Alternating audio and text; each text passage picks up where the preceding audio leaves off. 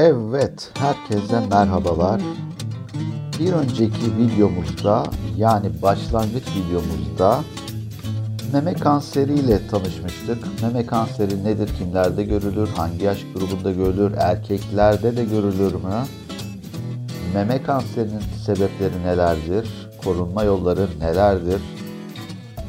Ayrıca meme kanseri olan ünlüler kimlerdir? Ünlüler arasında meme kanseri olanlar var mı? Bu konulardan bahsetmiştik. Evet, yeni podcast'imizin konusu ise mememizi tanıyalım, mememize tanı koyalım. Bu podcast'imizde nelerden bahsedeceğiz? Kendi kendimize muayeneden bahsedeceğiz. Kendi kendine muayeneyi nasıl yapacağız? Kimler kendi kendine muayene yapmalı? Hangi yaşlarda kendi kendine muayene yapmalıyız? Mememizi kendi kendine muayene edebilir miyiz?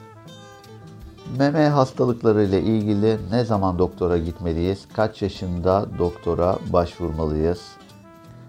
Meme taraması nasıl yapılır? Görüntüleme yöntemleri nelerdir? Riskli hasta, hasta grubu kimlerdir? Yani biz kimlere riskli hasta grubu diyoruz. Daha doğrusu kimlere riskli insanlar e, gözüyle bakıyoruz. Bu risk hesabını nasıl yapacağız? Ve son olarak e, belki de ilk başta söylenmesi gereken e, bunun bir kan tahlili yok mu? Meme kanseri teşhisini kan tahlili ile koyamıyor muyuz? Bunlara bir göz atacağız.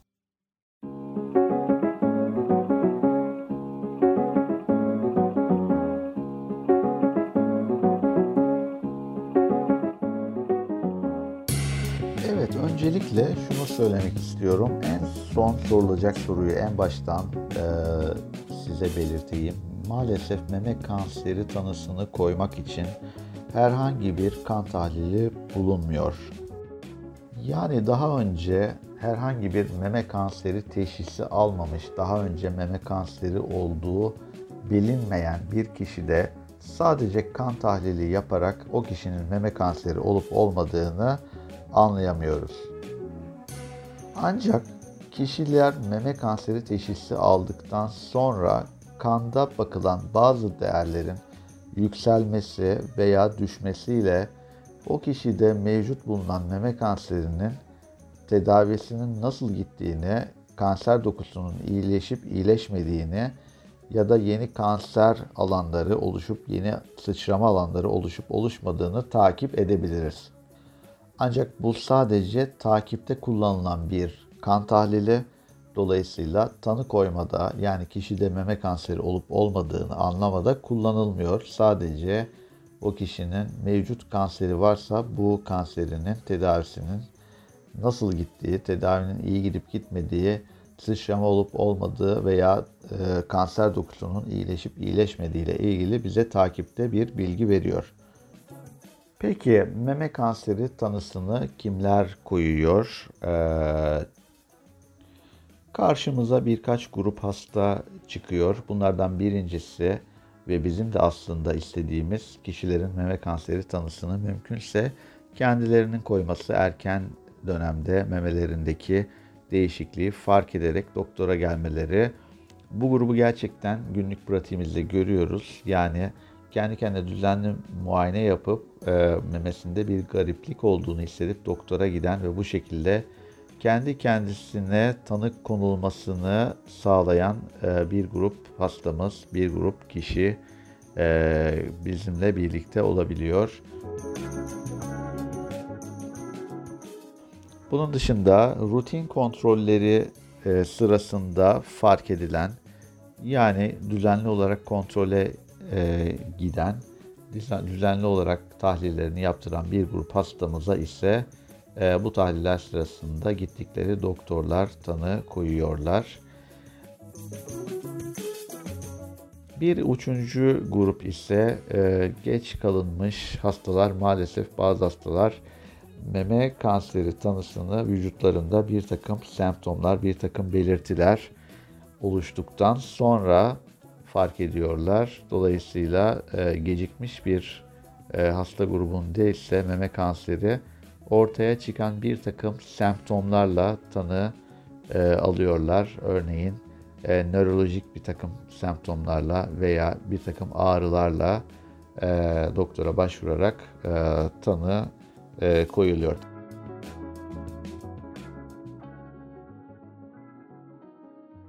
Tabi burada bizim istediğimiz e, ilk iki hasta grubu yani geç kalınmış hasta grubu değil. Hangi grubu kastediyorum? Birincisi kendi kendine muayene ile memesinde bir takım yapısal farklılıkları fark ederek doktora başvuranlar. Ve ikinci istediğimiz grup ise düzenli olarak meme muayenesini yaptırarak e, doktora başvuran ve erken safhada meme kanseri teşhisi konulan grup.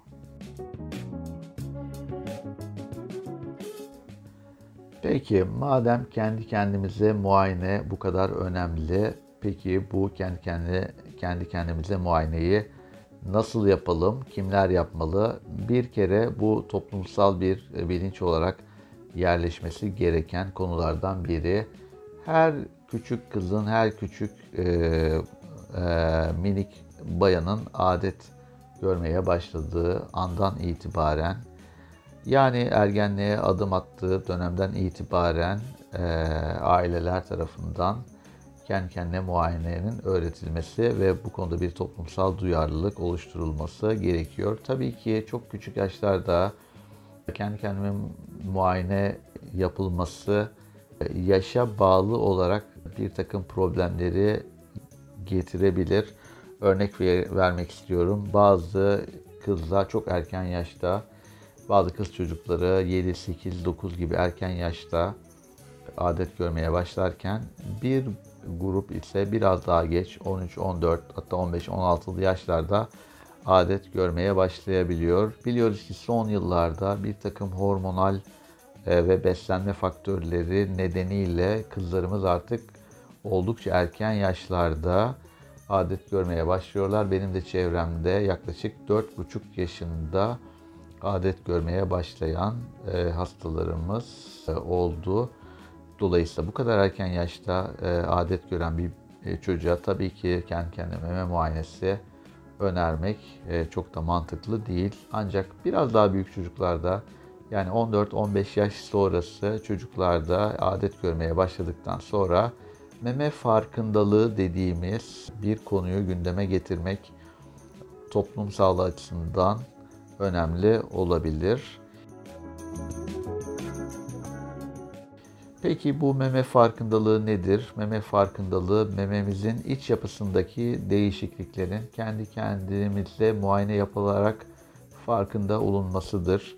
Eğer bir bayan çok küçük yaşlardan itibaren, e, çok küçük derken yani 14, 15, 16 yaşlarından itibaren düzenli olarak kendi kendine muayene yapar ise bu kişide bir meme haritası oluşacaktır zihninde ve kendi memesiyle ilgili bir yapısal e, haritalama oluşturacaktır kendi zihninde. Ve ilerleyen yıllarda memesinde bir takım değişiklikler saptar ise e, doktora başvurarak bu yeni oluşan memedeki bu değişikliğin ne olduğunun araştırılması ile ilgili ilgili doktora başvuracaktır. Belki çok küçük çocukluk yaşlardan itibaren bu konuyu e, çocuklarda dile getirmek, bu alanın profesyoneli olmamakla birlikte bir takım psikolojik problemleri de birlikte getirebilir diye düşünüyorum. Ancak e, geç ergenlik döneminde, e, adolesan dönemde bu konuya eğilmek toplum sağlığı açısından önemli olacaktır. Ayrıca o okullarda konuyla ilgili toplantılar, bu konuyla ilgili derslerde bir takım e, bilgiler verilebilir. Ülkemizde üreme gelişme dersi şeklinde yapılan derslerde bu konu işlenebilir e, diye düşünüyorum. Peki kendi kendimize muayeneyi nasıl yapacağız? Kendi kendimize muayene, elle muayene genelde e, ayda bir kere, bazen iki kere, 15 günde bir ya da ayda bir banyo sırasında mememizi kendi kendimize muayene ederek yapabileceğimiz bir basit bir analiz.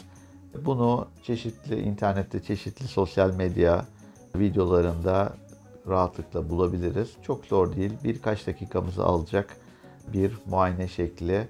E, sağ elimizde sol mememizi, sol elimizde sağ mememizi, bütün mememizi muayene edecek şekilde elimizle inceleyerek bir meme haritası, zihnimizde bir meme yapısına ait bir harita, e, bir zihinsel harita oluşturuyoruz. Ve bunu uzun yıllar yaptığımız zaman ileriki yıllarda mememizde eğer anormal bir sertlik hissedersek doktora giderek bunun araştırılmasını sağlıyoruz. Peki kendi kendimize muayene dışında evde yapabileceğimiz başka bir şey var mı? Maalesef yok.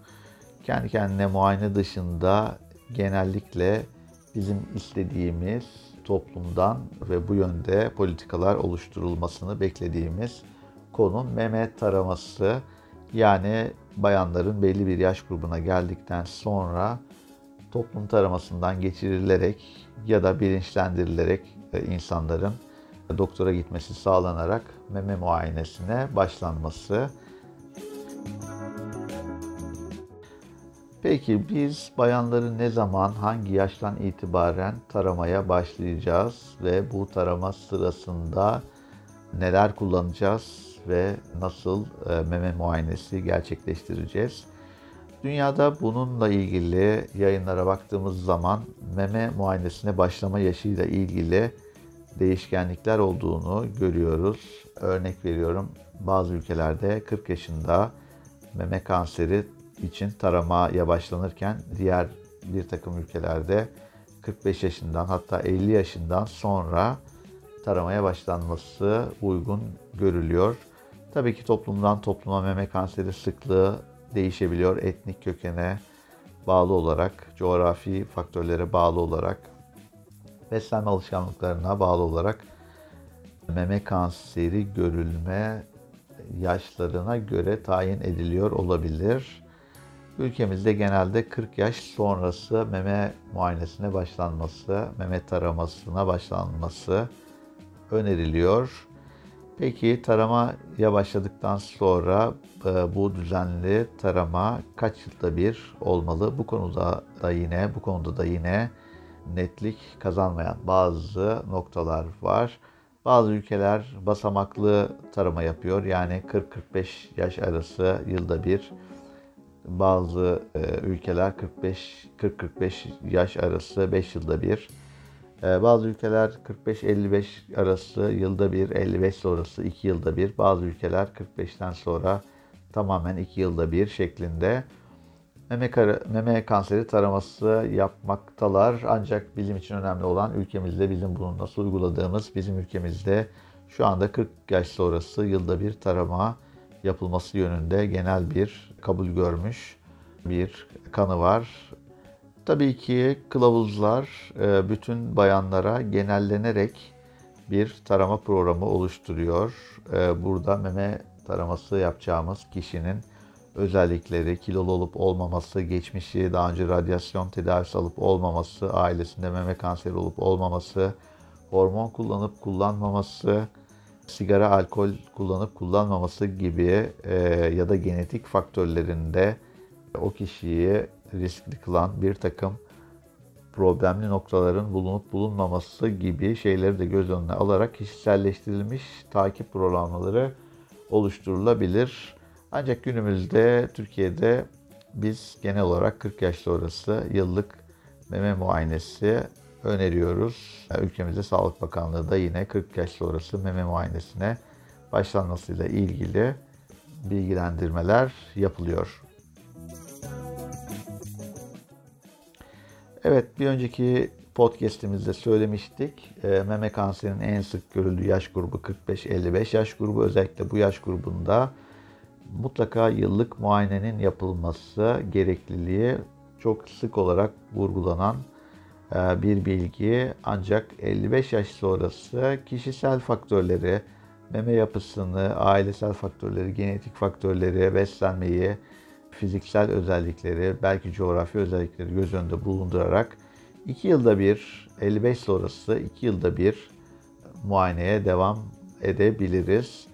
Bazı ülkelerde 75 yaşına kadar, bazı ülkelerde ise 80 yaşına kadar muayene öneriliyor. Bu demek olmuyor ki 75 veya 80 yaş sonrası taramaya, meme kanseri taramasına devam etmeyelim. Tabii ki bu yaştan sonra da mümkünse e, meme kanseri için elimizdeki imkanlar dahilinde meme kanseri taramasına devam edebiliriz. Evet, her kadının e, riski birbiriyle aynı değildir. Dolayısıyla bazı riskli kadınlarda meme kanseri taramasını daha erken yaşlara çekebiliriz veya tarama sıklığımızı bir miktar daha sıklaştırabiliriz. Peki yüksek riskli hasta kimlerdir? Yani hangi hasta grubunda daha, daha doğrusu hangi bayanlarda daha dikkatli olmalıyız? Hangi bayanlarda risk daha yüksektir? Buna bakalım. Ancak buna bakmadan önce risk nedir? Riskli hasta kimdir? Ona bir bakmamız gerekiyor. Bizim burada temel olarak dikkate aldığımız konu şu. Zaten bayan olmaktan kaynaklanan yani östrojen hormonumuzun vücudumuzda olmasından kaynaklanan bir meme kanseri riskimiz var. Bu risk bütün kadınlarda, dünyadaki bütün kadınlarda ortalama %12.3, %12.4 olarak hesaplanmıştır. Yani şunu kastediyorum. Sadece bayan olduğumuz için meme kanserine yakalanma riskimiz %12.4. Erkeklerde östrojen olmadığı için erkeklerde meme kanseri riski kadınlara göre 100 kat daha düşüktür. Yaklaşık 110 kat daha düşüktür. Ancak e, erkeklerde de meme kanseri olabilir. Bir önceki podcastimde bundan bahsetmiştim. E, kadınlarda sadece kadın olduğumuz için ve östrojen hormonu bulunduğu için riskimiz %12.4 ise bu ortalama risktir. Yani östrojen e, nedeniyle mevcut cinsiyetimiz nedeniyle sahip olduğumuz riske ortalama risk diyoruz. Bu riskin %20'nin üzerinde olmasına yüksek riskli hasta diyoruz. Bir kişide risk %20'nin üzerinde değilse bu kişilere yüksek riskli hasta demiyoruz. Peki normal riskimiz neydi? %12.4'tü. Peki %12.4'ün üstünde ancak %20'nin altındaysa bu durumda riskimiz artmıştır. Buna artmış risk diyebiliriz. Ancak yüksek riskli dememiz için bizim e, meme kanseri riskimizin yüzde 20'nin üzerine kadar çıkması gerekiyor. Peki bu yüzde 20'nin üzerine çıkartan sebepler nelerdir? Yani bizi yüksek riskli konuma getiren sebepler nelerdir? Bunlar tabii ki en önemlilerinden biri aile öyküsü, birinci derece akrabalarımızda, çok yakın akrabalarımızda anne, teyze, kız kardeş, teyze çocukları gibi, anneanne gibi çok yakın birinci derece akrabalarımızda özellikle bayan tarafında meme kanseri bulunması riskimizi arttırıyor. Bunun dışında e, genetik mutasyona sahip olmak yani BRCA1 veya BRCA2 mutasyonuna sahip olmak e, ki bunlar genetik testlerle anlaşılabiliyor günümüzde bir takım kan tahlilleriyle veya bir takım biyopsilerle e, kişilerin BRCA1 veya BRCA2 mutasyonuna sahip olup olmadıkları anlaşılabiliyor. İşte BRCA1 veya 2 mutasyonu olan kişiler de yine yüksek riskli gruba giriyor. 30 yaş öncesi veya çocukluk yaş döneminde göğüs bölgesine radyasyon tedavisi almış olmak yine e, bizim riskimizi arttıran sebepler arasında. Bu özellikleri hepsini bir araya getirdiğimiz zaman bizi %20'nin e, üzerine taşıyor. Bu özellikleri bulunduran kişilere yüksek riskli hasta diyebiliriz. Bir daha özetleyecek olursak BRCA1, 2 veya BRCA2 mutasyonu olmak, 30 yaş öncesi göğüs bölgesine radyasyon tedavisi almak veya aile öyküsü olmak bunlar bizi yüksek riskli gruba yani %20'nin üzerinde risk riski bulunan bayanlar sınıfına taşıyor. Peki biz bu risk hesabını nasıl yapabiliriz? Yani biz spesifik olarak risk hesabımızı yapabilir miyiz? Tabii ki Bu hesaplanabilen bir yüzde. Örnek veriyorum.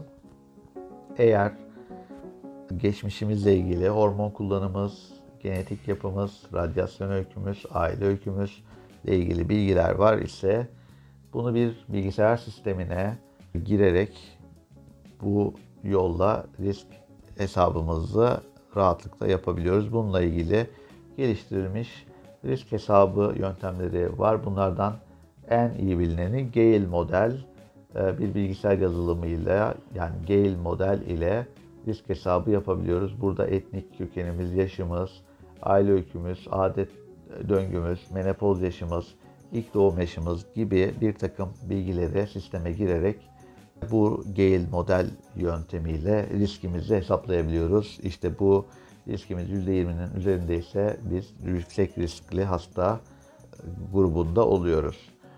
Bunun dışında Tire Cruising risk değerlendirme yöntemi de var. Aslında birden fazla yani Gale model ve e, Tire Cruising dışında da başka risk değerlendirme yöntemleri var. Hepsinin ortak hepsinin ortak noktası bizim geçmişimizle, ailemizle, adet düzenimizle, menopozumuzla, ilk doğum yaşımızla, genetiğimizle, radyasyon hikayemizle ilgili bilgileri girildikten sonra bize bir risk hesabı yapması. Bunlar bütün e, değerlendirme modellerinin ortak e, noktası.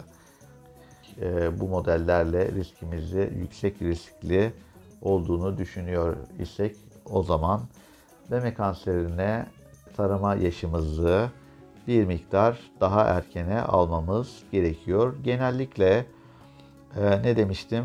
E, Türkiye'de meme kanserine başlama, meme kanseri taramasına başlama yaşı 40 demiştim.